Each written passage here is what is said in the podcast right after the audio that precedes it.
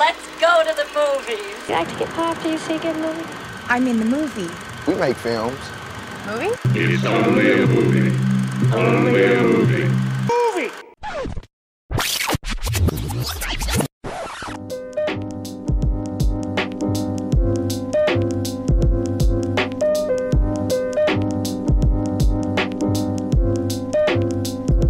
Er du kommet deroven på Denzel Washington top 5? Det var fantastisk lige at, at, at køre igennem den dejlige herres øh, filmografi der. Du kan godt stadigvæk leve med Training Day. Det er den bedste Denzel Washington-film, der nogensinde er lavet. Uden Ja. tvivl. Har du altså, set den, den, den Denzel? Washington-film.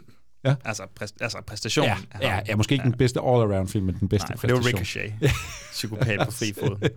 Det er ja, skøn titel og endnu skønnere film. Joachim, man lytter til Movie Podcast, og nu vender vi tilbage i et vandt format. Vi har jo holdt sådan lidt sommerferie for os selv. Vi har også været ramt af den der øh, standard sygdom. Det plejer altid at være dig, der lige er nede og ligge i et par uger. Sådan sker det jo altså, men det er godt, du er tilbage.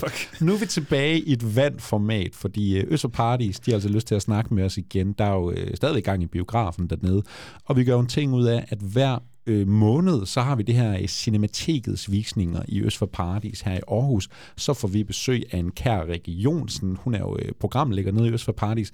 Og så sammen, så prøver vi at gennemgå det her program, hun har øh, lagt, hvor der simpelthen er store og små klassikere nede i Øst for Paradis, man kan komme ind og se. Og det er jo virkelig noget, vi har benyttet os rigtig meget af, Joachim. Det er nærmest som også, det er, det er som om, det er os to, der får det der program til at løbe rundt. Det, ikke det? det tror jeg Vi 100%. laver ikke andet end at sidde Overraskende meget her i løbet af sommeren har vi været der.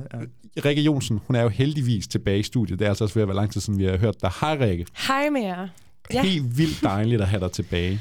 Ja, tak. Øh, det er også dejligt at være her. Mig og Joachim, jeg tror, vi er sådan lidt interesseret. Altså, øh, får vi snart vores sådan, faste plads nede i Øst for Paradis? Kan vi snart Altså få sådan sæder. et navne øh, Ja. på? I kan billetere, inden I går ind i salen. Og så, Jamen, jeg tænker også ind- indgraverede sæder i hver sal. Så, vi, Helt Det kunne vi godt sikkert. tænke os. Vi sådan har- nogle golden tickets. Ja, hvor, ja. øh, så, så hvis Med folk allerede recliner sidder ned, så kan vi gå ind og bede folk om at, ah, desværre. gerne have et lille badge, vi kan vise frem mm. i skranken. Eller, eller andet. Vi har både været nede og se, øh, vi har været nede og se russisk krigsfilm, vi har set Marlon Brando, mere lækker end nogensinde før. Flotteste hvide og t-shirt, ja. alt muligt andet. Altså, vi øh, er altså gået hen og blevet ret glade for de her visninger. Ja, Rikke. jamen det ved jeg godt. Jeg kan også fortælle fra øh, indersiden af huset, at I er også blevet spottet dernede nogle gange. Sådan, ja. Ej, dine øh, movie-kolleger der, de kiggede lige forbi til en film igen Ja, i ja, tirsdags. Ja, det er jeg helt sikker på, at de gør. Og nogle gange tager vi kærester med. Havde nogle de gange 10 tager vi billetter eller 15 billetter? ja, præcis. Joachim, du har sådan en meget fedt øh, trick, når dine venner er med. Så står du lige med otte billetter, og så skal de sådan trække lod om pladser og sådan noget. Det virker, Ja, det han er virker meget tvivl om, hvor man skal sidde, og så gør vi det bare tilfældigt. Man gider ikke at sidde ved siden af ham der, der spiller larmer mest med slik. altså, Rikke, du har holdt sommerferie. Du har været væk fra Movie Podcast i hvert fald. Har du det godt? Jeps. Ja, Ja. tak. Jeg har det godt. Og hvordan er sommeren sommer egentlig på? gået i, Ja. ja. I Østerparadis, tænker jeg også på? Jamen, Tænker øh, Barbie og Oppenheimer og sådan noget. Ja, præcis. Uh, The Barbenheimer. Det har også ramt uh, Øst for Paradis uh, som en uh, bombe, vil jeg sige. Uh, vi har haft helt uh, overvældende mange gæster, især i juli måned. Det har godt nok uh, været noget helt ulige, hvad vi plejer at se om sommeren, så det har bare været mega dejligt. Der er nok også en eller anden uh, fin uh, cocktail med, at vejret har været ret biografvenligt. Juli, ikke øh, den dejligste Ja. måned Det må man sige. Og måske også, øh, når man kigger lidt rundt omkring øh, klimaet i Europa, at folk, folk har måske tænkt, det er faktisk tilstrækkeligt at, at se, hvad jeg har i mit nærområde, der kan holde mig godt kørende med vitaminer i sommerferien. Og det kan biografen jo. Ja. Så øh, det er der heldigvis mange, der har gjort. Så håber, det jeg håber, det er jo, at, øh, at der selvfølgelig er mange mennesker, der tager ind og ser de film, men også ligesom får vækket den der følelse af, hov, vi kan godt tage i biografen noget oftere, og så kan det være, at de ligesom trickler ned til, at de måske tager ind og ser en cinemateket i Paradis. Men det er helt en- reelt, det der. Det tror jeg virkelig sker. Altså, at det smitter af, når der er et biograffænomen. Hele det her Only in Cinemas. Mm. Og, øh. Øhm, når det sætter sig på øh, store film som Barbie og Oppenheimer, så smitter det simpelthen lidt af ned af programmet med franske og tyske titler. Der kommer simpelthen bare lige det øh, nyk flere gæster til det. Det er så fedt. Fedt. Er du til øh, Barbie, eller er du til øh, atomsprængninger sammen med Christopher Nolan? Jeg er til begge dele. Men jeg skal indrømme, at øh, Barbie har jeg set to gange allerede. Okay, Okay. så det er klart den bedste film, eller hvad? Øh, jeg har ikke set Oppenheimer Nå, endnu. okay. Den gemmer jeg. Jeg tror, svaret er, at hun er mest til Barbie. Ja. Jamen, det, kan vi jo ikke vide endnu. Nej, det, okay, Men har, du- tænker har du med planer om at se. Oppenheimer, eller hvad? Ja, det har jeg da. Ja. I 70 mm. Ja. Fedt.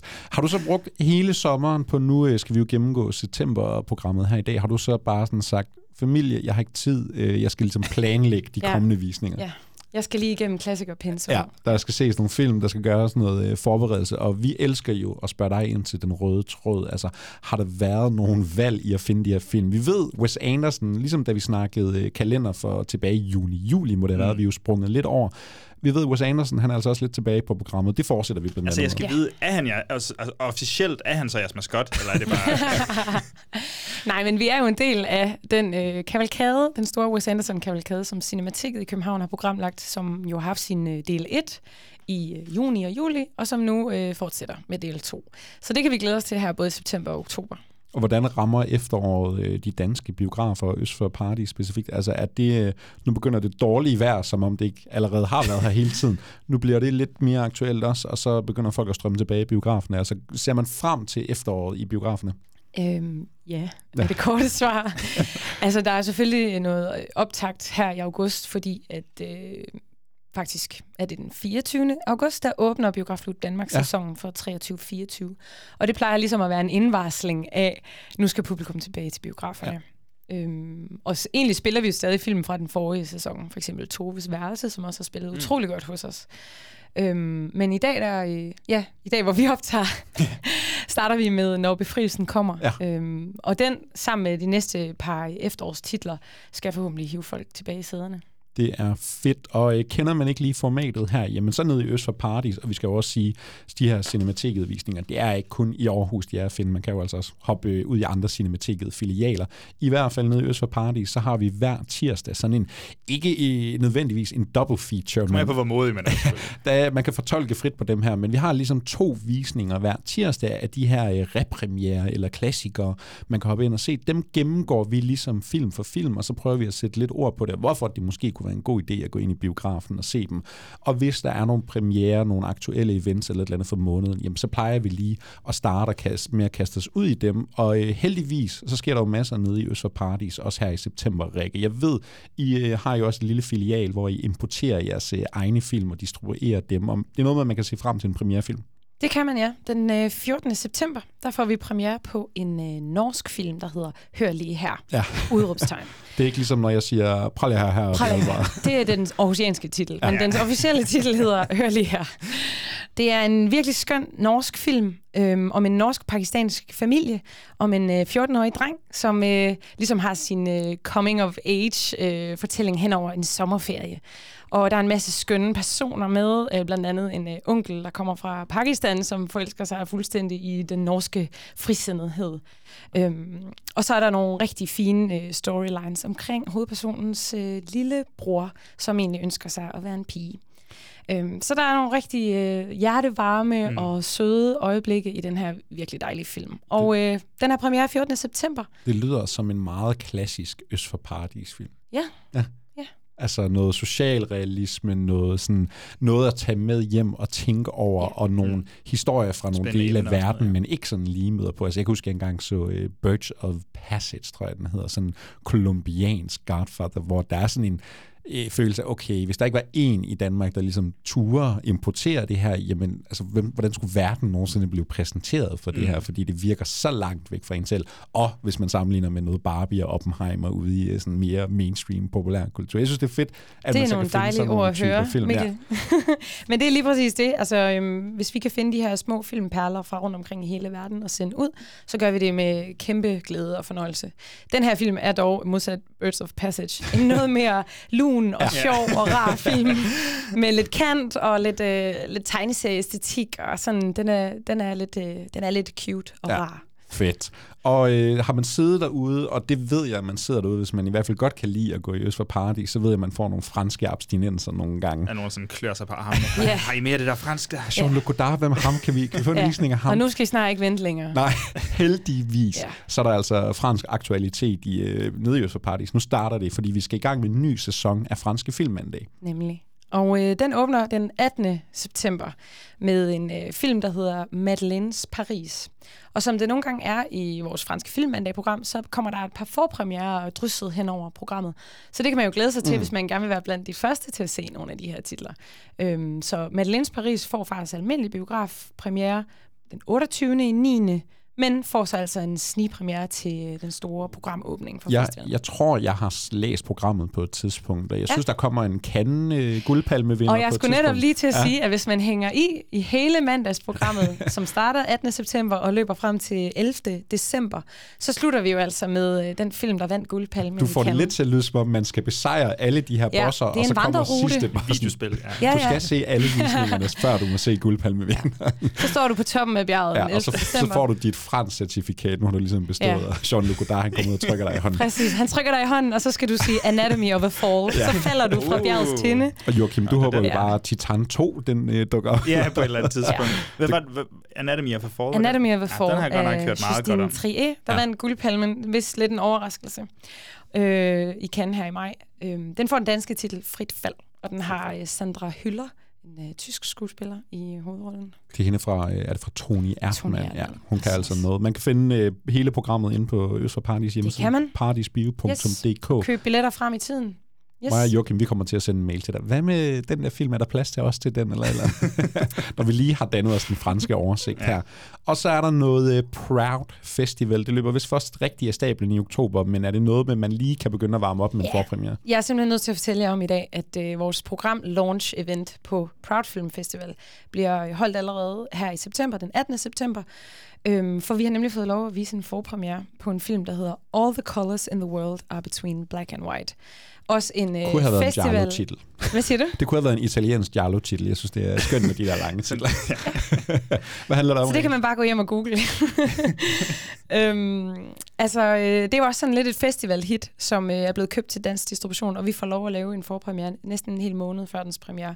Så øh, her kan man allerede nu gå ind og have billetter, hvis man vil være med til program-release for Proud Film Festival. Festivalen løber først af stablen 7. oktober og en uge frem, og præsenterer altså en masse fede titler og både spillefilm og kortfilm for øh, LGBTQIA plus film. Sådan. så er der altså nogle, øh, ja, både premierefilm og events at se frem til nede i Øst for Paradis. Og med de ord, så synes jeg, at vi skal kan tage hul på bølgen af det her Cinemateket-program, for vi har altså som altid store og små klassikere, vi skal have snakket om, og vi kommer til at sige det tusind gange. Der kommer altså til at være en masse film her, du skal se i biografen. Why? Most women at one time or another have faked it. Well, they haven't affected with me How do you know? because I know. Oh. Right. That's right. I forgot. You're a man. What is that supposed to mean? Nothing. It's just that all men are sure it never happened to them, and most women at one time or another have done it, so you do the math. You don't think that I can tell a difference? No. Get out of here.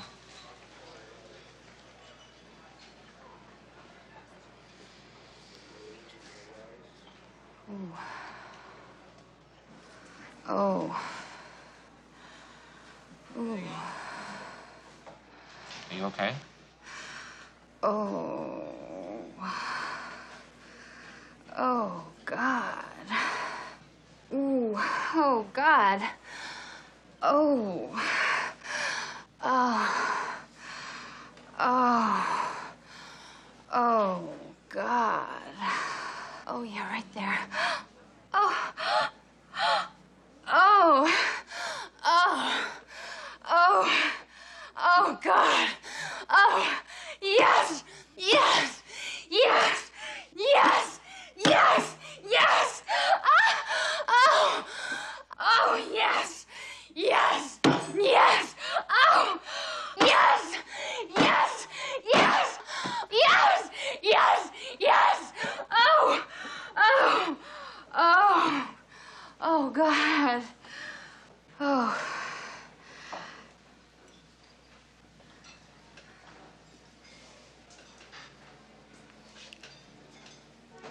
I'll have what she's having.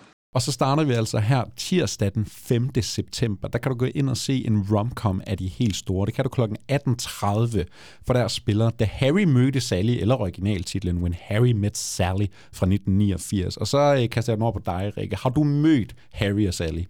Ja, det føler jeg jo, jeg har. øh, selvom jeg først har lært den her film at kende øh, noget senere, ja. end da den er udkommet. Øhm, Hvor stod man på sådan en film hen i dit liv? Det er sgu egentlig et godt spørgsmål. Han er ekskast. Det var en, der hed Harry. Det er enten sådan en film, man ser, og så ser man den sammen med en date, og så finder man ud af, at vi skal være sammen, eller så finder man ud af, at vi skal overhovedet ikke være sammen. Altså hvis man Ja. måske spejler sig lidt i de her to Ja. karakterer, ikke? Altså for mig er det, før det var en øh, rom-com uundgåelig klassiker, man sådan lidt skulle have tjekket af, så synes jeg jo også, det var sådan lidt en efterårsfilm. Sådan en, ja. hvor man bliver pakket lidt ind i tæpper og øh, te og ser bladene falde mm. udenfor. Den har simpelthen øh, en fantastisk øh, sådan blød og varm æstetik. Er, er der ikke også jul og nytår i den og sådan noget? Øh, Jeg føler, kan den, kan den ikke... øh, Jo, men skal man tage hele handlen, ikke? så handler den jo om øh, Harry og Sally, spillet af hvem, Rikke? Ja, yeah. af Billy Crystal og Meg Ryan, Oh, ja. øh, Og så det- Hollywoods darling. Præcis, og så er det noget med, hvad de mødes øh, Ja, de er jo college-venner ja. øh, først, eller det vil sige college strangers på en eller anden måde, som havner i... Øh, Ikke, der er aldrig en rigtig meet cute i den her nej, film. nej, det er nemlig det, der er lidt sjovt. Altså, den, er sådan, den har lidt den der spændthed igennem hele Mm. fortællingen, og den, den er på en måde både lineær og aldrig helt lineær, Mm. fordi den handler om mødet mellem dem, som titlen også siger, men, men det får de sådan lidt øh, klumpet sig i gang med et venskab, fordi de øh, skal køre sammen fra college, jeg tror det er Chicago eller sådan noget, til New York, og så som øh, semestrene og årene og øh, øh, tiden går, og sæsonerne skifter, og øh, nye kærester kommer og går, og venskabet ender egentlig med at bestå som noget ret stærkt, bundet sammen af en super skarp og, og lækker dialog. Øhm, Billy Crystal, han er jo også sådan lidt en mand, der kan parafrasere derudad. på Han giver anden den som sin bedste Woody allen Ja, lidt.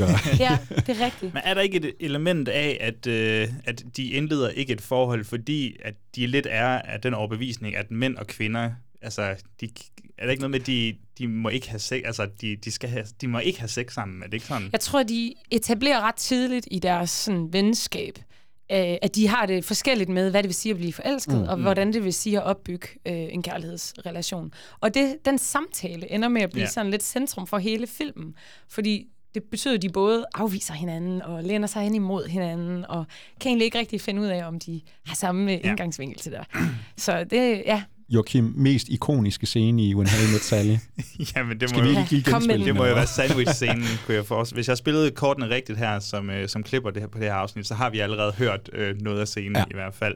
Fantastisk, øh, øh, virkelig fantastisk scene, hvor at, øh, vi spiller på det der cringe-barometer øh, rimelig højt, og I'll have what she's having, som Rob Reiners mor får lov til at slippe afsted med sidst, hvor Meg Ryan altså har faked en orgasme, eller hvad, øh, inde på dineren. Det er en fantastisk scene, men hele filmen igennem er bare guldkorn efter guldkorn, og det er, mm der, er- der er virkelig noget med kemien mellem øh, Billy Crystal og Meg Ryan i ja. den her film, som var knuselsker. Det er også sådan en øh, romantisk komedie, sådan lidt anti-romantisk komedie, ikke? og det er sådan en, man ser, hvad den fra 1989, og man får sådan en følelse af, at der er rigtig mange film, der eksisterer på grund af den her. Jeg kommer til at tænke på sådan noget øh, 500 Days of Summer. Der er jo også det der trick med, de interviewer rigtige ja. par i gåsøjne. Jeg ved ikke, om det er Sådan fake. Eller, ja, præcis. Ikke? Der er øh. det der sjove element. Også noget, man ser i øh, andre type film af den her slags. Ikke? Øh, Rob Reiners øh, øh, sådan sidste fem film-agtigt på det her tidspunkt. Har I læst op på det? Fuldstændig sindssygt. Der er Prinsessen og de skøre ridder, Stand By Me, der er Misery på det her tidspunkt også, ja, og When Harry Met Sally, og jeg føler, at jeg mangler en enkelt, men hold kæft, en track record, han bare kører med Ja. øh, på det her tidspunkt. Sindssygt. Nu kender folk ham i dag som den vanvittige far i uh, The Wolf of Wall Street, hvor han står og skriger er ja, mestendels.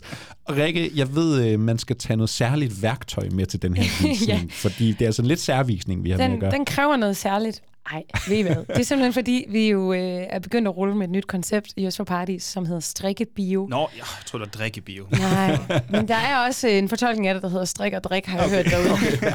Så du kan endelig købe et glas rødvin og komme med. Og så lære øh, at strikke, ja. Ja, ja, og så sidde ved siden af nogen, der strikker. Så skal du så bare være opmærksom på, at øh, der kommer til at være lidt lys i salen under visningen. Mm. Så det er det eneste sådan, forbehold, øh, der egentlig er omkring den her visning. Det synes jeg er et virkelig moderne og hyggeligt koncept, altså at man kan kombinere strikning og Efter, sådan- efterårsstemning, som du Ja. snakkede om måske. Ja, lidt, præcis. Gå derfra med en hue, du selv Mm. har strikket i biografmørket. Vi må se, om det bliver lige så hyggeligt senere på aftenen, fordi vi går altså lige videre til næste film her, kl. 20.45. Så kan du tage ind og hygge med en vaskeægte voldsom krigsfilm. Stanley Kubricks Full Metal Jacket fra 1987, Joachim. Øh, Ja, men bare sådan en dejlig vaskeægte hyggefilm til om aftenen der, hvor du kan får du lov til kan at få... til den her visning, Rikke, eller hvad? ja, vi har strikkebio. en dejlig hyggefilm, hvor du kan få lov til at se den menneskelige eksistens bare blive jævnet med jorden. Ja. Ja. Det er der et eller andet øh, fuldstændig spændende ved. Ej, det er Kubricks øh, fede øhm, øh, anti-krigsfilm er alle krigsfilm, ikke det per øh, natur, det ved jeg ikke, om de er. Men, øh, men Kubrick han tænker, hvad med, at jeg lige laver en af de bedste Vietnamfilm, og optager den udelukkende i, dum, dum, dum, hvor er det, jeg bor? Nå ja, England. øh, filmer hele filmen i England, og bare har et øh, kæmpe sæt i sin baghave, nærmest, der bare får bygget øh, hus og jungle og whatever, og smadrer det hele og maltrakterer sæt sig for sådan en wrecking ball ind, der bare kan ødelægge. Øh, ja, det er fanta- der, jeg tror, at der er nogle rigtig gode historier om, hvordan den her film er blevet lavet. Men den, her, den er ligesom bygget op, øh, hvor man følger den her... Øh, altså det her militær, de her nye øh, soldater, som ligesom skal bygget op, blive bygget op på bootcampen, og så får man lov til ligesom i anden halvdel at følge den i selve krigen. Og det Kubrick kan kan, det er jo bare at, at altså jeg føler meget, at Kubrick han viser menneskehedens, øh, hvad skal man sige, sådan evne til ondskab, mm. basically. Ned, altså dehumanisering af mennesket er han sindssygt god til, og det er han også god til, fordi han kan fremme, fremme nogle sindssyge præstationer, først og fremmest, men også fordi han har et eller andet filmteknisk, han mm. bare kan. Altså det føles lidt som at, du ved ikke, vand blomster i, i regnvejr, eller sådan noget, når man skal sætte ord på Kubrick, men han er jo bare en af de helt store filmskabere ja. nogensinde, og vi har snakket om Kubrick zoomet, og vi har snakket om alt muligt. Kubrick Stare, blandt andet. Ja, der er rigtig godt i den her film med kadetten ude på toilettet og en riffel i hånden. Den har jo øh, fået modstand hen over årene med den her anden halvdel, der slet ikke kan leve op til første halvdel. Hvor står du i den? Altså, er det ja, værd at følge ja, med hele vejen? Men jeg er også begyndt at høre nogle øh, double retractors, eller et eller andet, der er begyndt at sige, at øh, med anden halvdel, den er okay. faktisk bedre. Jeg er sådan, okay, nå, den, den vokser bare og udvikler sig, den her film. Jeg kan bedst lide første halvdel. Øh, jeg synes, det sådan en af de sidste scener der, hvor, øh, hvor skiftet kommer, er ja, nærmest en gyserfilm på en eller anden måde. Der er virkelig nogle, nogle skræmmende scener, og, men i don't know, altså, det, det, det er en Vietnam-film, der var der mange af, men der er noget helt unikt over den her. Det, det er faktisk sige. meget sjovt, det der med de to halvdele, fordi mange år siden, jeg har set den, jeg har garanteret været alt for ung, da jeg så den, men jeg husker første halvdel som en film i sig selv. Mm. Og så, øh, og så tænker jeg, at jeg har nemlig fået en eller anden form for shell shock øh, ja. i overgangen til del 2, for den kan jeg ikke huske. Nej, men det, det der er så sjovt, fordi anden halvdel er jo så meget et resultat af første halvdel, Præcis. ikke? altså en effekt af, hvad der sker. Men jeg tror, ja, man har vildt. tendens til at huske den første. Det er også der, der er de ondeste tilsvininger og ja, det, folk, der virkelig blev Men den er jo underholdende på en makaber måde ja. der, øh, fordi vi har set de der krigsfilm før i andre variationer og sådan noget, og man skal se, at de her soldater, de skal, der skal være noget kammeratskab, og så skal vi have en ond sergeant, der råber nogle onde ting. Men øh, Øh, men der er kontrasten jo rigtig god, fordi altså, hvad er slemmest, siger jeg her i, i gåseøjne. Øh, første halvdel eller anden halvdel, når vi så er i krig, eller det dehum- dehumanisering. Nu var vi øh, Øst Paradis at se Come and See, en anden ond, ond, ond krigsfilm. Og jeg tror bare lige, jeg vil sige, hvis man ser krigsfilmer, især de gode krigsfilm på det store lærred, med stor lyd, stort billede og mørket og det her, så gør det altså ekstra meget indtryk på en. vi hopper videre til næste tirsdag, og bemærk, vi starter tidligt 17.15, for du skal altså bruge godt 3,5 timer for ligesom at kunne nå hele filmen her. 12. september, der skal vi se, hvad nogen kalder verdens bedste film. Okay, ja. intet pres. Nej, der, det, det er altså hårdt. Tag ind og nyd den, ikke? Og se den for, hvad den er. Øh, ingen forventninger, bare smid dem væk. og ja, det er verdens bedste film. Den var 3,5 time. Den er måske det ultimative slow cinema. Den handler ikke sådan rigtigt om noget andet end en kvinde, der skræller nogle kartofler og mm. gør lidt rent derhjemme. Eller måske en hel masse andet. Vi snakker selvfølgelig om uh, Jean Dillman. Eller jeg skal den, have den franske Ja, men jeg kommer her, Joachim. Jeg har øvet mig derhjemme. Jean Dillman, og så kan jeg selvfølgelig ikke sige uh, 23, og så Quiet du Commerce 1080 procent. Var det ikke en flot udtale? 1080 procent. Jeg mener, ja, det er... Jeg har selvfølgelig klippet det ud, og så ført sådan en uh, Google-version ind der. Ja. Jeg, jeg tror, det er øhm, adressen, hun bor på. Den kommer jo her i 1975. Og hvorfor har man så lang en titel til en lang film? Jamen, det har man, fordi øh, det, den handler om, det er hende her, øh, husmoren Jean Dillman, som bor sammen med sin søn i en øh, lille lejlighed, og igennem de her tre en halv time, jamen der nærmest sådan i realtid, der følger vi hende gøre sine daglige ritualer. Og det betyder altså ned på gulvet og vaske gulvet, skrælle nogle kartofler, sætte dem over til at koge, og Sønnike, sammen med teenage-søn, han skal jo også lige have smurt en madpakke, og det skal han jo også dagen efter, og dagen efter, og alle de her samme ting, de skal gøres igen og igen og igen. Og hvad bliver det så What's for the big en... Deal, jamen, hvad er der med den her film? Hvordan kan den jo kalde verdens bedste? Jamen, altså, nu er det jo virkelig slow cinema, det her. Ikke? Øh, det er meget lidt, der sker. Men effekten af den her film, det er sådan en form for hypnose. Der er sådan noget, der kommer den der meditative tilstand af det. Altså, hvis man kan lade sig gribe af det her. For jeg skal da også være den første til at sige, det lyder en lille smule kedeligt det er det bare heldigvis ikke, når man ligesom øh, kommer på den her tur med Og der er måske 3,5 en pointe med det. Der er nemlig nok en pointe med den, og den er jo øh, instrueret af hende her, Chantal Ackermann, en, øh, et kæmpe sådan et øh, ikon inden for filmverdenen, og især altså, måske lidt kreds for kender, ikke? Øh, meget kendt for dokumentarfilm og noget mere avantgarde. Hun øh, begår selvmord i 2015 og har lidt af noget depression igennem hele sit liv, men hun er også gået hen i sin eftertid og blevet det her kæmpe sådan, feministiske ikon. Og det er nok også det meget i dag, sådan en film her, som Jean Dillman ligesom bliver et øh, udtryk for, når nogen som Silence er ud og siger, at det her det er den bedste film og vigtigste film, der nogensinde Jeg tror er også, en lavet. film, der er blevet lidt genopdaget og har fået et, et liv på nogle øh, fysiske medier og sådan noget, og så er den ligesom kommet lidt mere ind i, i, i kulturen, og måske også derfor, at den ligesom ender med at altså det hjælper i hvert fald på, at den kunne ligge på en førsteplads Mm. på Sight and Sounds. Øh, Ja, og, og, og det, der er så spændende ved den, det er, at den opbygger alle de her ritualer og rytmer og øh, rutiner, hun ligesom begår i sin dagligdag. Men så, jeg tror, vi følger hende over bare 3-4 dage, men så, uh, nu koger kartoflerne over, eller hun skærer sig i fingeren, da hun står og skralder. Og der er bare alt den her sådan substekst af en kvindes liv, der går i opløsning. Hun har sådan en lille side hustle, jeg ikke vil afsløre, hvad er, men det tilfører ligesom også noget drama i hendes liv. Og så vil jeg bare sige, sidder man derude øh, som lytter, fordi der er ingen tvivl om, øh, jeg tror ikke, der er nogen af jer to, der har set den, vel? Det her, det er jo virkelig en film, man også skal tage noget tilløb til, ligegyldigt den status, men altså alene bare for dens længde og tempo, ikke? og måske hvad den handler om.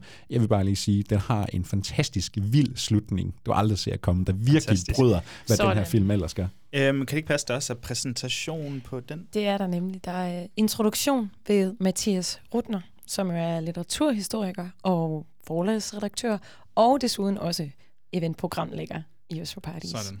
Så øh, han kan tage publikum med godt rundt om den her øh, Jean Dillman. Øhm, så ja, det bliver en lang aften, og derfor starter vi allerede 17.15 øh, til øh, lidt af et maraton på det, Det er et her. event. Det er et event. Fire det er jo det timer værd. givet ud til verdens bedste film. Det øh, har du altså brug for i dit liv. Er man til det lidt mere mundre måske, jamen så samme aften 21.30, jamen der vender en Øst for Paradis darling nok en gang tilbage. Wes Darjeeling. Anderson, ja, Darjeeling. Du er bedre til punch, end jeg er, jo. Wes Anderson, han vender tilbage i biografen, og det er altså en repremiere på The Darjeeling Limited. Måske en af hans mindre kendte film, er mit indtryk, men Rikke, jeg ved, der er noget danser. kærlighed til den Rikke over for dig. danser. Ja, jeg sidder bare og er- jubler, når nogen siger The Darjeeling Limited. Ej, det er fordi, når vi taler om Wes Anderson, hvad vi jo gør, fordi ja. at vi er godt i gang med en Wes Anderson-kavalkade, så synes jeg, at den her film, den øh, skiller sig ud. Jeg synes bare, den er så god. det er en personlig favorit øh, af Wes Andersons film.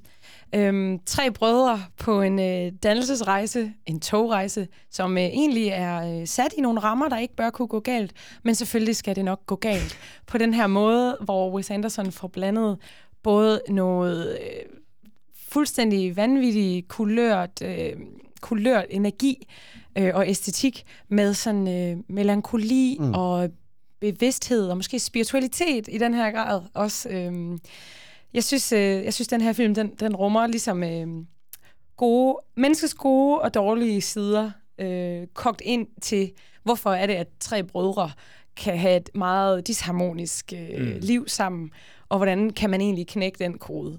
Jamen, jeg har, altså, jeg, har, jeg føler, at den er meget Wes Anderson stadigvæk, mm. men også lidt anderledes, men yeah. det er Ja. også mange år, jeg har. Jeg vil sige, set den ligger perfekt. Nu er den jo fra 2007, ikke? men jeg synes, sådan, hvad den er som film, så ligger den perfekt i overgangen fra den Wes Anderson, der var engang med Rushmore og Tenenbaums, og så til det, vi kender ham i dag, mm. som den her stilistiker og mand med sit dukkehus, hvor han kan få det til at se ud lige som han vil. Men den har netop hele æstetikken, og den har det der personlige drama med brødrene imellem, mm. og farens spøgelse, der ligesom lurer i Hvem er der på rollelisten? Jamen, vi har jo... Øh, Jeg tror, det er nogle ansigter, han har brugt. ja, det er så en af hans øh, gode klassiske kendetegn, at han gerne genbruger fra, øh, fra rollelisten. Men de tre brødre spilles af Owen Wilson og Adrian Brody og Jason Schwartzman, ja. som vi jo lige for nylig har set i Asteroid City. Og jeg synes faktisk, at der godt kunne være nogle linjer imellem mm. Darjeeling og Asteroid City. Ja, toget kunne godt lige køre igennem Astro. Ja, det kunne det godt lidt, ikke? Men, øh, men jeg ved ikke, om det er Jason Schwartzman, som mm. bare kan spille på en eller anden måde, hvor hans øh, øjne er så øh, varme og kærlige, mens, mens han samtidig er, t- altså, er berøvet for al Ja, gnist. en lille hundevalp nogle gange kan Ja, han. Og så er der sådan en lidt Brody, en forladt bare- en. Jamen, jeg synes bare, at Adrian Brody er Mm. En af de bedste skuespillere, vi har, Ja. som jeg bare ikke ser nok af. Ja. i øvrigt. Han er altid virkelig god, og en lille øh, Natalie Portman cameo. Og jeg vil også sige, det er en af de Wes Anderson-filmer, der er altså øh, ligesom kamp om dem, men det er nok en af de film, der har det bedste soundtracks. Jeg kan i hvert fald huske noget øh, Rolling Stones Playing with Fire, når vi ligesom tager sådan en øh, panorering ned igennem hele toget, med alle vognene, der nærmest er sådan helt særligt designet. Det ser virkelig, virkelig fedt ud. Og ja, Wes Anderson-kavalkaden, den kører jo bare derud af nede i øh, Øst for Paradis. Der kommer også selvfølgelig endnu en Wes Anderson-film senere. Vi springer en uge frem, og så er vi altså nået til tirsdag den 19. september. Nu er klokken 18.30, og her kan du altså lige få krydset en af de der gamle klassikere 1931, der kommer der altså en film, der hedder M. Eine Staatszug einen Mörder. du kommer på udflugt Jamen, i dag, jeg er bedre mand. til det tyske end det franske, ikke? Ja, det gik rigtig godt, det Ja, det var sindssygt godt. Det var overbevisende. Peter Lorre, er det ikke ham? jo, jo. Ja, han er Peter med M her, Peter Lorre, 1931, og vist også en Fritz Lang-film, hvis jeg ikke tager fejl. Selvfølgelig, selvfølgelig. Vi har en fantastisk og meget tidlig sådan seriemorderfilm helt tilbage fra ja, 1931. Den er tysk, den er grum, og den er til gengæld også mega seværdig. Ja. Øhm, den handler i øh, bund og grund bare om, at vi, vi skal på jagt efter den her seriemorder, som slår primært, hvis ikke udelukkende, børn ihjel. Og så har vi øh, politiet, som vi følger, og vi har også faktisk den øh, kriminelle underverden i Berlin, som vi også følger. Øh, jeg tror, det er ikke fordi, den her kriminelle underverden udelukkende agerer ud fra deres godhjertethed. Jeg tror også, de er trætte af, at politiet hele tiden kommer og laver nogle raids ned på deres øh, lokale bar der. Øh, men de samles altså om at lave sådan en nærmest procedural øh, politi øh, film thriller, hvor vi skal finde frem til den her seriemorder spillet af Peter Lorre. Der er meget lækkert ved den her gamle sag. Der er sådan en dejlig blanding af noget tysk ekspressionisme og noget film noir, hvor skyggerne især og kulisserne også, de, øh, de er med til at, at, at vække nogle følelser omkring de personer, vi ser, øh, om den her moralsk fordærvethed, der er øh, i filmen. Altså det er bare ultra lækkert at se på. Fritz Lang, en af de helt store også. Men det alt overskyggende ved filmen er 100% øh, den her stjerneskabende præstation af Peter Lorre. Jeg tror, man siger, at det her det var startskuddet for mm. ham. Så øh, tog han til England, og så tog han senere hen til USA, Hollywood, og der blev han altså det her kæmpe store skurke-ikon, fordi han er en, en lav mand med et øh, lidt aparte udseende, nogle rigtig flotte store øjne og et lille rundt hoved, og så kan han se rigtig uhyggelig ud. Og jeg tror da også, den her øhm, præstation som en, øh, en børneseriemorder, øhm, at den har været med til at typecast ham øh, resten af livet. Mikkel, vi har lige set ham i, i øh, øh, Arsenic og gamle kniblinger Ja. forleden. Og, men han er fantastisk. Jeg synes også lidt, han har sådan nogle dodgy øjne. Så der er en lille smule empati, der kan gemme sig. Han er sådan lidt cute på ja. En eller anden måde, men jeg kommer også til at tænke på det der med, at man, ja, man kender ham fra M, man kender ham fra Maltese Falcon og Casablanca mm. og Arsenic, ikke? og der er sådan nogle Edgar Allan Poe-film og sådan noget, men han spiller jo altid skurk eller ligesom supporting character, altså ja. Birolle. Ikke? Hvorfor tror du ikke, han har fået, hvorfor har han ikke fået flere hovedroller, når man ser en film som M? Øhm, fordi du så senere ser ham i en film som Arsenic and Old Lace, hvor han står ved siden af Cary Grant. Ja. Og jeg vil sige, øh, på det her tidspunkt, hvis... Det er et spørgsmål om at sælge sin film, eller Der er hvad? nok 99,9 procent af publikum, i hvert fald kvinder, der vil sige, Cary Grant, han er nok flottere end Peter Lorre. Det er derfor Steve Buscemi, han ikke blev Grant, vores det- Ryan Gosling. Men altså, jeg tror, jeg tror, der er en årsag, der er rent og skær hedder udseendet, og så måske også den her meget definerende første rolle. Og så er der jo også det der fantastiske lydmotiv, jeg har forsøgt at Ja. fløjte før. Og det gjorde det godt.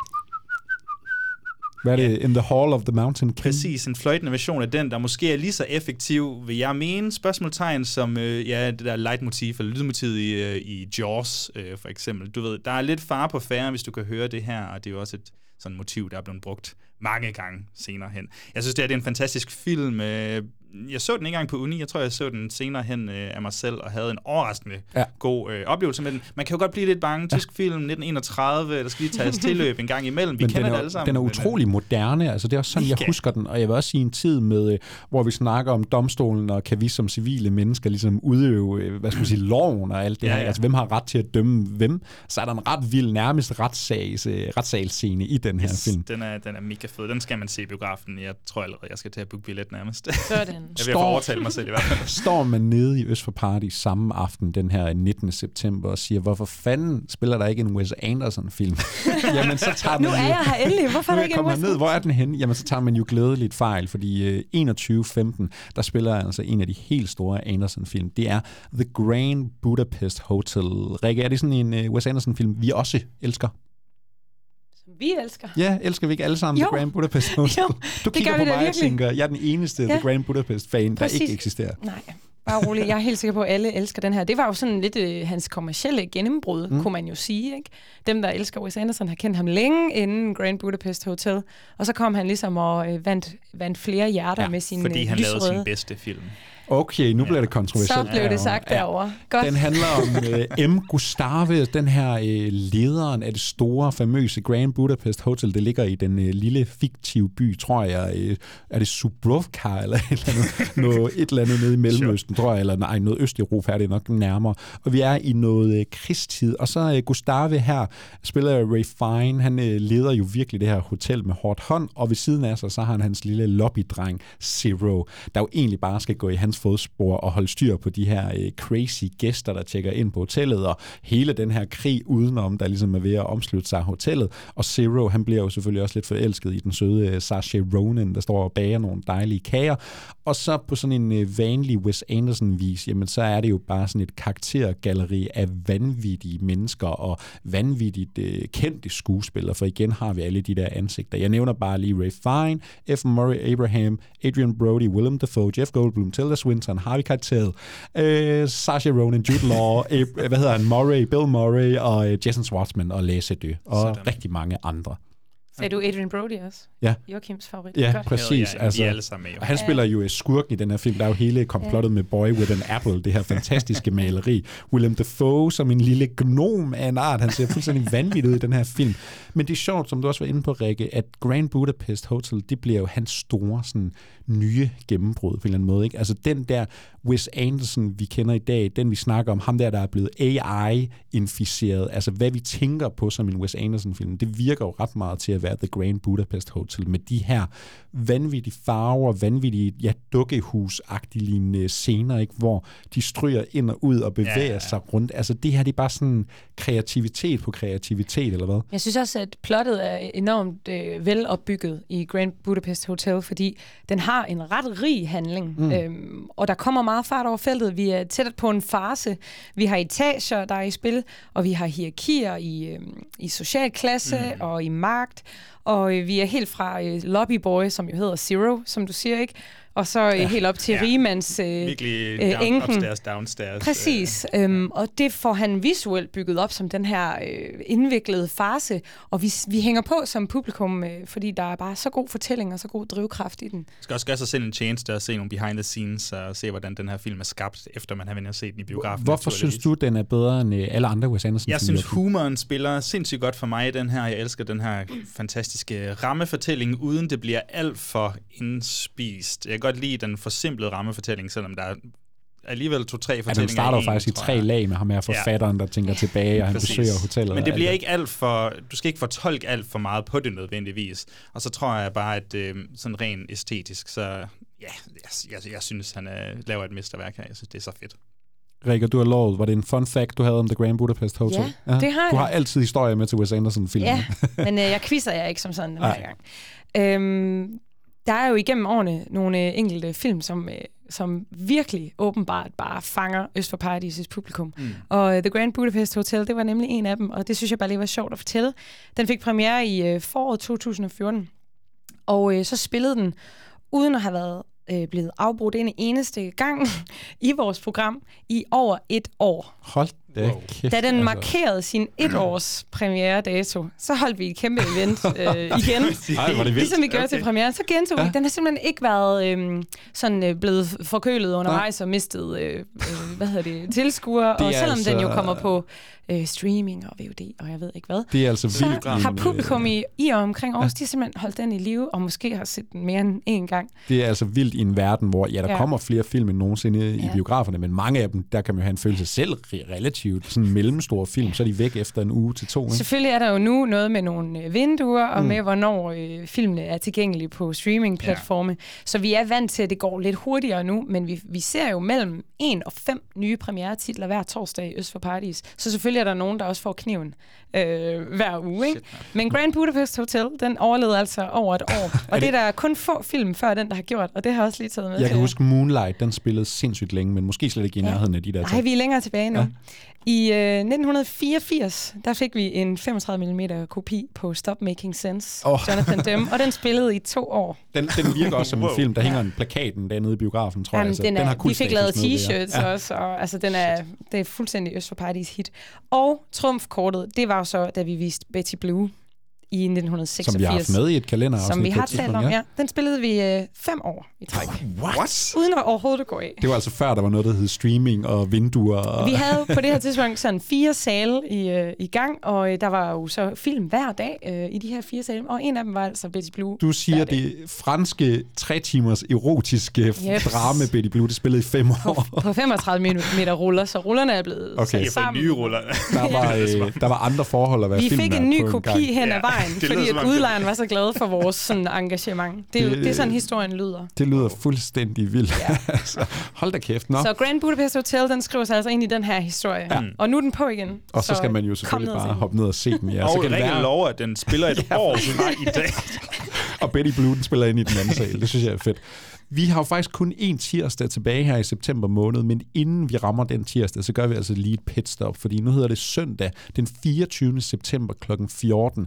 Jamen der øh, sker der ligesom ting i Øst for Paradis, som også virker som noget, I er ret glade for. En øh, instruktør, I er ret glade for. Ja. Miyazaki, den gode animator og tegnefilmsmager fra Japan, han er aktuelt nede i biografen med ja, en gammel film, Shihiro Heksene fra 2001. Rikke? Ja, Filmklubben den, tilbage, øh, er det sådan? lige præcis. Vi har øh, indlemmet den her film i vores Filmklubben-program, som jo er øh, et program, der er målrettet børn og unge, øhm, som jo, hvis man er under 15 år, kan få 50% på billetten til de her visninger, vi har. Og vi har en om måneden øh, efteråret igennem. Programmet er netop ude, så hvis man følger vores nyhedsbrev eller følger med på hjemmesiden, så kan I simpelthen gå ind og læse om alle de film, der er på vej.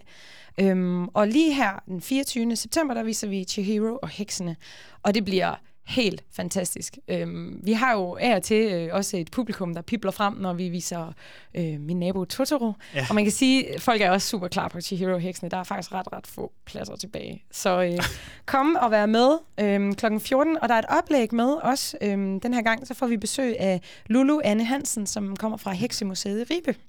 Og øh, hvis man har hørt hendes navn før, så er det faktisk, fordi hun har holdt oplæg hos os, da vi viste øh, Benjamin Christensens Ja. Tilbage i november. Synes nok, jeg lige kunne huske. Ja, Lige præcis.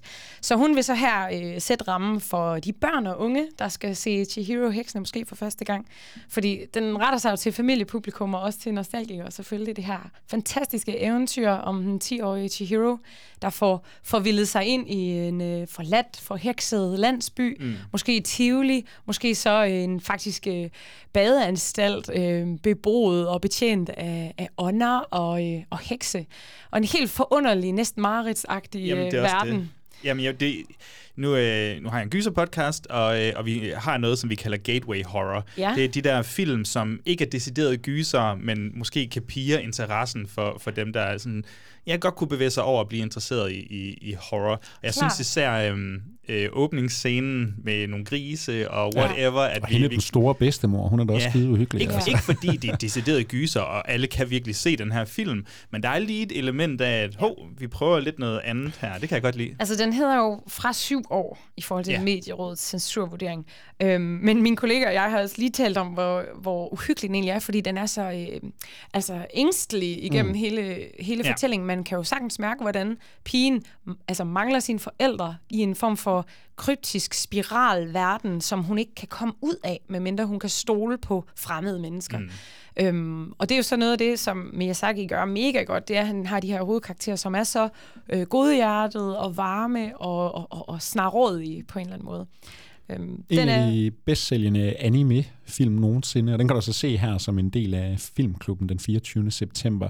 Så fra de helt unge, så går vi altså over til de helt gamle, fordi nu rammer vi øh, septembers sidste tirsdag, det er øh, den 26. og vi starter her klokken 18.30, og der er altså noget fransk nu på programmet. Lidt mere moderne måske. Lidt mere moderne. Ja. Øhm, en øh, enfant terrible, tror jeg, de friske drenge kalder dem. Vi har jo med Gaspar Noé at gøre. Er det en øh, instruktør, I sådan kender noget til, har et forhold til, Rikke?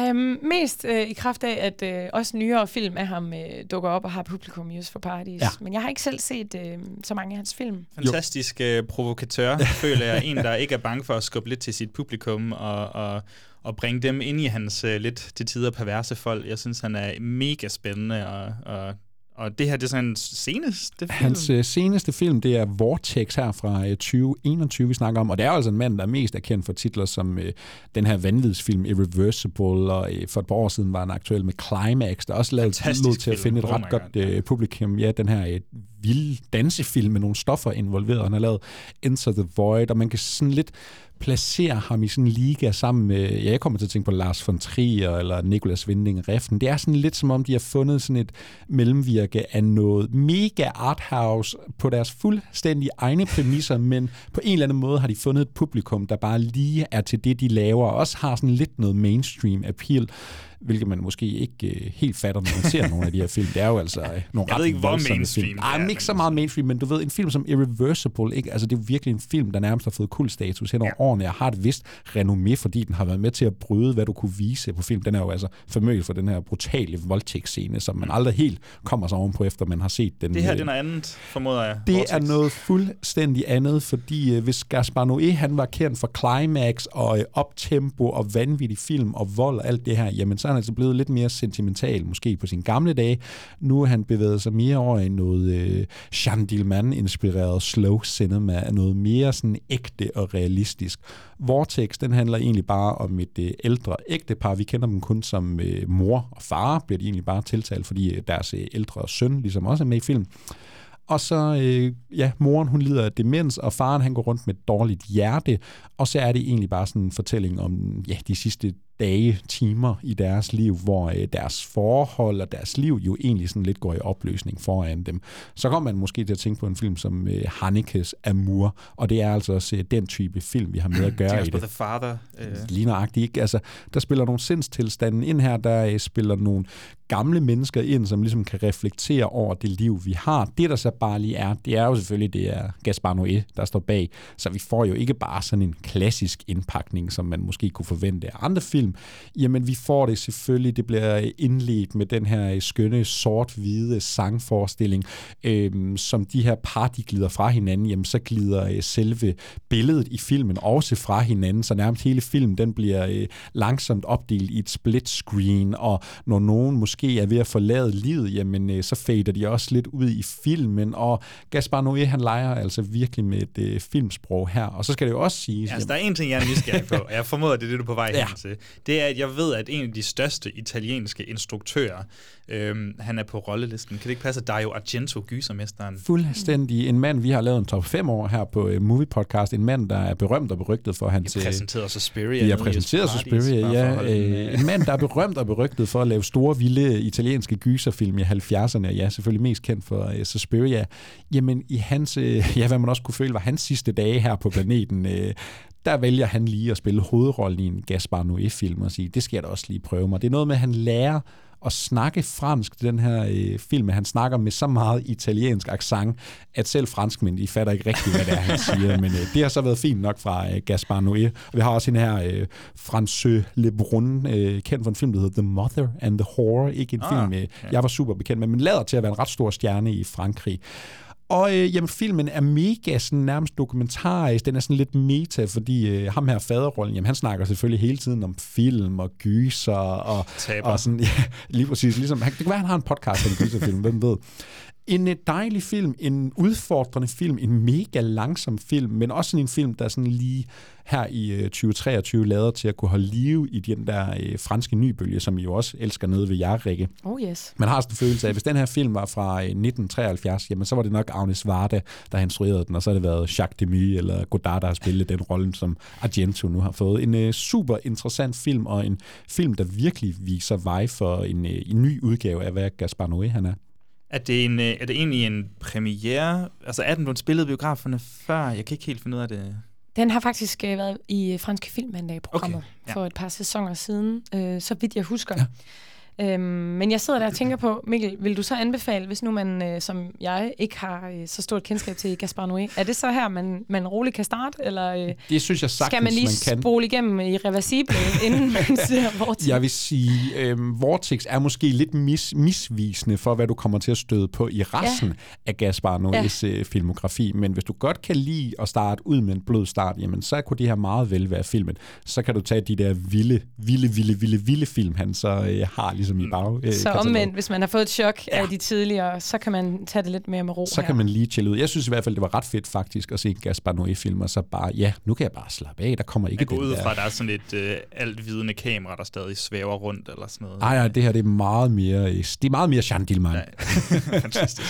Og øh, vi slutter jo altså ikke helt måneden med Vortex her, for øh, startede man september måned med en romcom, der hedder øh, When Harry Met Sally, så kan man jo også slutte måneden. Det kan man her kl. 21.30, og der spiller altså en film, der hedder Sleepless in Seattle. Ja. Søvnløs i Seattle. Hvis man kan holde sig vågen, ja. Jeg ved ikke, om det var med vilje, men I har lavet en uh, Meg Ryan og Nora Ephron sådan rammefortælling. Uh, med Det er den røde tråd, Rikke, hun elsker. Ja. Altså. Ja, hun havde jo skrevet manuskriptet til When Harry Met Sally, og nu står hun altså selv på, ja, manus og så instruktørfonden, altså Nora Ephron. Og så har hun selvfølgelig taget superstjernen Meg Ryan øh, med, øh, og så har vi en hvad jeg synes er en fuldkommen fantastisk øh, romantisk komedie, der stadig er sådan lidt Nora, Nora Ephron-agtig, fordi den leger med struktur, og den leger med vores øh, forventninger til en, øh, en romantisk komedie. Billy Crystal er udskiftet med alle øh, yndlings Tom Hanks, udover selvfølgelig Mikkel Abel. Mikkel han sagde jo forleden, at øh, I har godt hørt om det der trolley problem. Så, så du ved, hvis der er et tog, der kører, og der er to spor, og så på den ene side, så er der en, lad os sige, allerede død person, og så på den anden side, så er der Tom Hanks med to øh, spædbørn.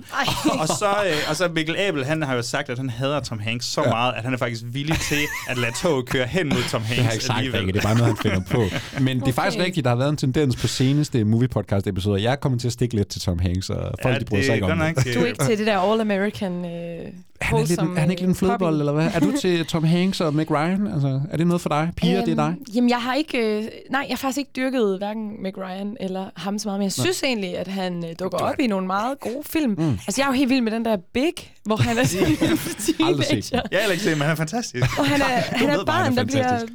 Puttet ind i en voksens krop. Men så er det jo godt, at vi har verdens største Tom Hanks-fans. Joachim, Er det det var Joachim? Tur, det her Jeg tror, du er den eneste af os her, der har set Søvnløs i Seattle. Ja. Kan den holde en vågen? Den kan jeg sagtens holde en vågen. Øh, Er det en Kleenex-film? Det er med gode grin, og det er med Kleenex Ja. overraskende tidligt inde i filmen. Jeg vil okay. sige næsten øh, 25 20-25 minutter inde i filmen, så sidder man lige og tager sig selv i, hold nu kæft, Tom Hanks, han er en sindssygt god skuespiller. øhm, han spiller altså en, øh, en, en enkemand, fordi hans kone er gået bort for, hvad jeg tror, der er måske et år eller to siden, og så har han en dejlig, livlig knægt, øh, som en eller anden dag, øh, eller først og fremmest ønsker han, at farmand gerne må finde en, øh, en ny, quote unquote, mor snart, øh, fordi han, far han er så deprimeret og, og ked af det hele tiden. Så den her dejlige, livlige knægt, han får ringet ind til et eller andet øh, radioprogram, der kører, og så... Øh, og så, øh, du ved, så går der ikke ret lang tid før, at Tom Hanks ligesom kringer sit hjerte ud. Jeg tror, programmet hedder Søvnløs i Seattle. Ej, nu er det lige før jeg græder. Og så, så Tom Hanks han står pludselig og kringer sit hjerte ud i sådan et nationalt radioprogram. Og det gør jo selvfølgelig, at øh, kvinder øh, USA over, de bare swooner ja. fuldstændig. Vi har alle været i den situation. Alle, alle, alle vil have Tom Hanks nu, uden at have set ham. De har jo ikke set ham. De har kun hørt hans stemme. En af de her kvinder, det er Meg Ryan, og hun har også øh, sine problemer, og hun er sammen med en Bill Pullman. Øh, øh, Og så vælger hun som, Tom Hanks Som hun snart skal giftes med, men der er også lidt problemer der. Øh, og nu skal hun selvfølgelig gøre alt, hvad hun kan, samtidig med at Tom Hanks Knight gør alt, hvad han øh, kan, for ligesom at bringe de her to mennesker sammen. Og det, der er så fantastisk ved den her film, og det, der er så anderledes ved den her film, det er, at strukturen er helt igennem forskellig fra, hvad vi er vant til. Det her det er nærmest kampen om meet-cutet. Det er det, vi skal hen til. Øh, og, og hvis man tænker sådan lidt over, når man får undervejs her, hvor få scener der egentlig er mellem uh, Tom Hanks og Meg Ryan, så, uh, så kan man blive overrasket over, hvor velfungerende den her film er. Den spiller lidt på nogle gamle film, som sådan noget Rock Hudson og Doris Day-agtige Pillow Talk. Ja. men også øh, direkte referencer til en øh, Cary Grant-film, der hedder An Affair to Remember, som faktisk spiller en meget specifik rolle i den her film. Øh, både i form af jokes, men også locations og sådan noget. Jeg var virkelig øh, overrasket over, hvor god den her film var. Man kan, man, altså, nu er jeg fra 94, så jeg er ikke vokset op med den her øh, type film, og kvæg mit køn, så er det heller ikke lige noget, jeg sådan have søgt, øh, sådan, sådan opsøgt i, i mine teenageår. Der var en Arnold Schwarzenegger, som jeg var mere interesseret i der. Øh, og så kommer til dem her mange år efter bare at vide, eller finde ud af, ligesom med When Harry Met Sally, kæft, hvor fungerer de bare mm. godt, og hvor, hvor siger de bare meget mere om sådan forhold, end man lige regner med. Er det ikke også uh, Tom Hanks og Meg Ryan, der laver You Got Mail? Jo. Er det ikke også de to? Ja. Så vender jeg tilbage. Jeg tror også, det er Nora Ephron øh, i øvrigt. Man skal tage sin Kleenex med ned i biografen, lyder det til i hvert fald. Jeg, jeg vil sige, Joachim, du har lige nøjagtigt sagt nok til, at jeg godt kunne være lidt fristet af Ja, Tom Hanks. Det synes jeg det er fantastisk. Det var altså Sleepless in Seattle her, men øh, måneden den er ikke helt slut endnu, for vi har lige et lille minisegment af nogle øh, musikfilm, man kan se frem til for Rikke. Det er noget med, at der er en musikfestival nede i Øst for Party, som øh, begynder at starte her i slutningen af september. Jeps, vi når lige at tage hul på den her i september. Den øh, 30. det er en lørdag aften kl. 21. Der åbner vi simpelthen en femdages festival øhm, med musikfilm, som alle sammen kommer i en lækker pakke fra Cinematiket. Og vi har hørt i flere kalenderafsnit, at viser man øh, Pink Floyd's The Wall, jamen så behøver du faktisk ikke gøre andet, fordi så er den udsolgt gang ja, på gang på der gang. er et eller andet magisk over den. Og nu får vi så lov at, at grave lidt dybere Ja. ja. i øh, Pink Floyd, fordi at øh, filmen, som vi åbner Musikfilmfestivalen med, er en dokumentar, som er fra 2023 og hedder Have You Got It Yet? The Story of Sid Barrett and Pink Floyd. Den ligger mundret, den der titel. Fuldstændig. Det er faktisk temaet for det her program. Lange titler. Ja. Øhm, nej, det er en dokumentar, som dykker ned i øhm, stifteren øh, af Pink Floyd og historien bag ham. Sid Barrett, som jo faktisk kun var aktiv medlem af Pink Floyd i øhm, tre år, fire år, inden han havde en kort øh, solo-karriere, og så dernæst faktisk øh, trak sig fuldstændig øhm, En, en mand, der led af mange psykiske problemer, En meget plaget mand, ja, som øh, har taget rigtig mange psykedeliske stoffer og ledt ud på et spor, der ført ham så langt væk fra, fra virkeligheden, øh, lader det jo til, og som dokumentaren også vil grave rigtig meget i, og fortælle historier fra vidner helt tæt på ham, og også tre af Pink Floyd-medlemmerne, øh, Roger Waters og David Gilmour og Nick Mason. Øhm, det er simpelthen en film, der kommer helt tæt på, øhm, og jeg tror, altså den bliver et hit. Jeg kan faktisk se, øh, billetsalget er allerede i gang. Det er alle The Wall-fans, Ja, de er i gang med så der er, det. øh, der er altså noget at glæde sig til. Og øh, i de øvrige film i Musikfilmfestivalen, der kan man så også komme lidt tættere på øh, Creedence Clearwater Revival og en ret usædvanlig sådan fanfilm til Foo Fighters. Et fænomen, jeg ikke selv kender så godt, men øh, det kan man jo lære lidt at kende, hvis man tager ind og ser We Are The Thousand øhm, som handler om nogle fans, der fik lavet et eller andet viralt hit, og øh, lokkede Foo Fighters til at komme til Italien og møde dem. Ja, er det, er det der, hvor, er det under noget corona, hvor de indspiller sådan, altså er mange sådan et eller andet online, øh, Zoom, ja. ikke? så spiller de en, ja, Det tror jeg. ja, det lyder ret vildt, det er det, jeg har gang i i hvert fald. Men skulle man have lyst til at øh, indløse billet til Musikfilmfestivalen, så hop altså ind på paradisbio.dk og øh, læs meget mere om titlerne. Det bliver virkelig fedt. Vi slutter måneden med musikfestivalen her, og så holder vi lige en kort pause, hvor vi selvfølgelig lige får øh, afsluttet episoden, fordi vi skal jo også lige have taget vores øh, månedens valg. Den der ene film, du altså bare skal i biografen og se.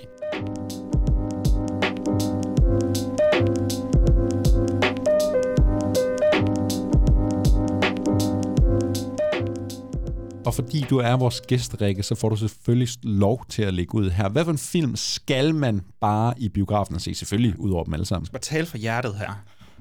Et valg, I har jo trængt mig op i en krog, det er jeg jo nødt til at sige her. Det lytterne ikke ved, var, at Rikke hun ville kun vælge de film, mig og Joachim havde valgt, men nu må hun altså gå med noget andet, som selvfølgelig er lige så godt. Jamen, så går jeg jo simpelthen med min øh, umiddelbare indskydelse, og det er, at jeg skal have et gensyn med The Darjeeling Limited på det store lærred.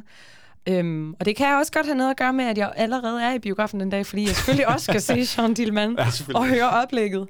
Øhm, men øh, jeg skal simpelthen se den visuelle togrejse igennem, øh, igennem Indien og med øh, Owen Wilsons øh, arme og skønne ansigt pakket ind i bandage, mens han prøver at lappe forholdet til sine brødre. Jeg er vild med den film. Den Og så bliver du sovende i biografen i en uge, og så tager du Grand Budapest Hotel. Så har man jo lige Wes Anderson double feature. Ja, præcis. Hvad med dig, Joachim? Hvad skal man bare i biografen at se? Jamen, jeg synes, man skal starte og slutte sin september af med, i, ligesom i den romantiske komedies navn, sammen med Meg Ryan og, og Nora Ephron. Jeg synes, man skal starte med When Harry Met Sally, og man skal slutte i uh, Søvnløs i Seattle. Der, der er mange grin begge steder, og så... Uh, i hvert fald øh, film nummer to, den har også lige øh, nogle Kleenex, der kan blive brugt undervejs, synes Og to gange Meg Ryan slår i hvert fald en Tom kan jeg bare lige understrege, hold kæft, hvor er hun skøn lige her i, øh, altså bare fordi vi har, jeg lige har set de film her, hun er bare, hun ser bare Jamen, hun var vel nærmest tidens største stjerne på det her tidspunkt. Altså, I hvert fald øh, romantisk komedies Ja, er dronning der. Jeg vil sige, hvis du har tænkt dig... Altså, har du ikke tænkt dig at være personen, der siger, jeg skal da selvfølgelig i biografen og se verdens bedste film? Jeg tror, jeg sidder over. Selvfølgelig har du tænkt dig at være den person, fordi du skal jo i biografen og sige Jean Dillman.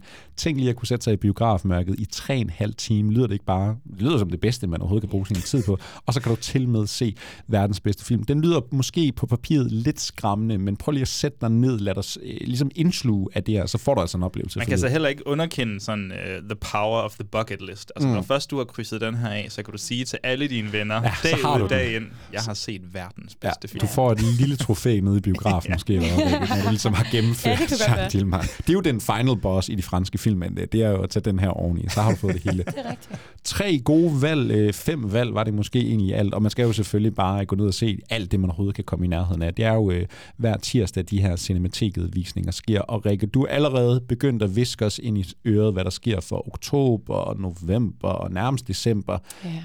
Der er masser af godt at se frem til. Det er, fordi jeg er en rigtig efterårspige, og jeg glæder mig bare til, til det program her, til de mørke aftener og alle de temaer, øh, der dukker op. Det Jamen mig og godt. Joachim, vi har jo bare en aftale her bagefter, men nu skal vi jo til at booke alle de der pladser, så vi kan Ja, komme I ned kommer og se. Vi kan eller booke lidt. Rikke, et eller andet, du skal afslutte episoden med her, nogle plugs, du skal have lavet. Man kan jo altid blive opdateret inde på paradisbio.dk, men ellers et eller andet, du lige skal have lettet fra hjertet. Udover noget kærlighed til Tom Hanks, Meg Ryan måske. Øh, ja, den kan I få, hvis I kommer ind og ser Søvnlys i Seattle selvfølgelig. Men øh, nej, altså besøg os. Besøg os i Paradisgade, og besøg os på Instagram og Facebook, hvor vi deler alt muligt sjovt, når der sker nye ting i biografen. Og der sker mange nye ting. Vi opdaterer meget snart øh, den kommende premierliste for efteråret, og det bliver, det bliver simpelthen så fedt. Så øh, ja, hvis man vil høre det først, så øh, følg med ind på paradisbio.dk. Der er masser at se frem til nede i biografen. Og Joachim, vi har jo også masser at se frem til her på Movie Podcast. Jeg ved, hvad der sker i næste uge. Du ser mere tvivlsom ud, men vi skal snakke om en af verdens bedste film. Okay, ja, det kører vi er det så næste uge. Det er ikke Jean Dillman, Det kører vi laver. næste at, uge. øh, Ja, det kører vi næste Okay. uge. Vi går ikke uh, deep dive på uh, Jean Dillman, men vi går deep dive på en anden film. Jeg tror, vi tager Goodfellas. Ja. Er det ikke der, vi er nået på? Så laver vi et helt afsnit om Goodfellas. Ja. Hvis vi spiller vores kort rigtigt, så tror jeg, vi kan få en uh, gæst på besøg. Ja. Og så uh, laver vi et deep dive i en af de bedste film, der nogensinde er lavet. En af de sjoveste film, der nogensinde er lavet. Det er altså bare uh, Robert Funny De? Niro, uh, Pesci og nej, ja, hvad hedder den sidste, uh, Ray Liotta. De tre på slap line, er man næsten vil sige. Det er, bliver et fuldstændig fantastisk gensyn. Det var alt fra Movie Podcast i dag, og så jeg håber vi selvfølgelig bare, I vil ned i Øst for Paradis, men også lytte med i næste uge.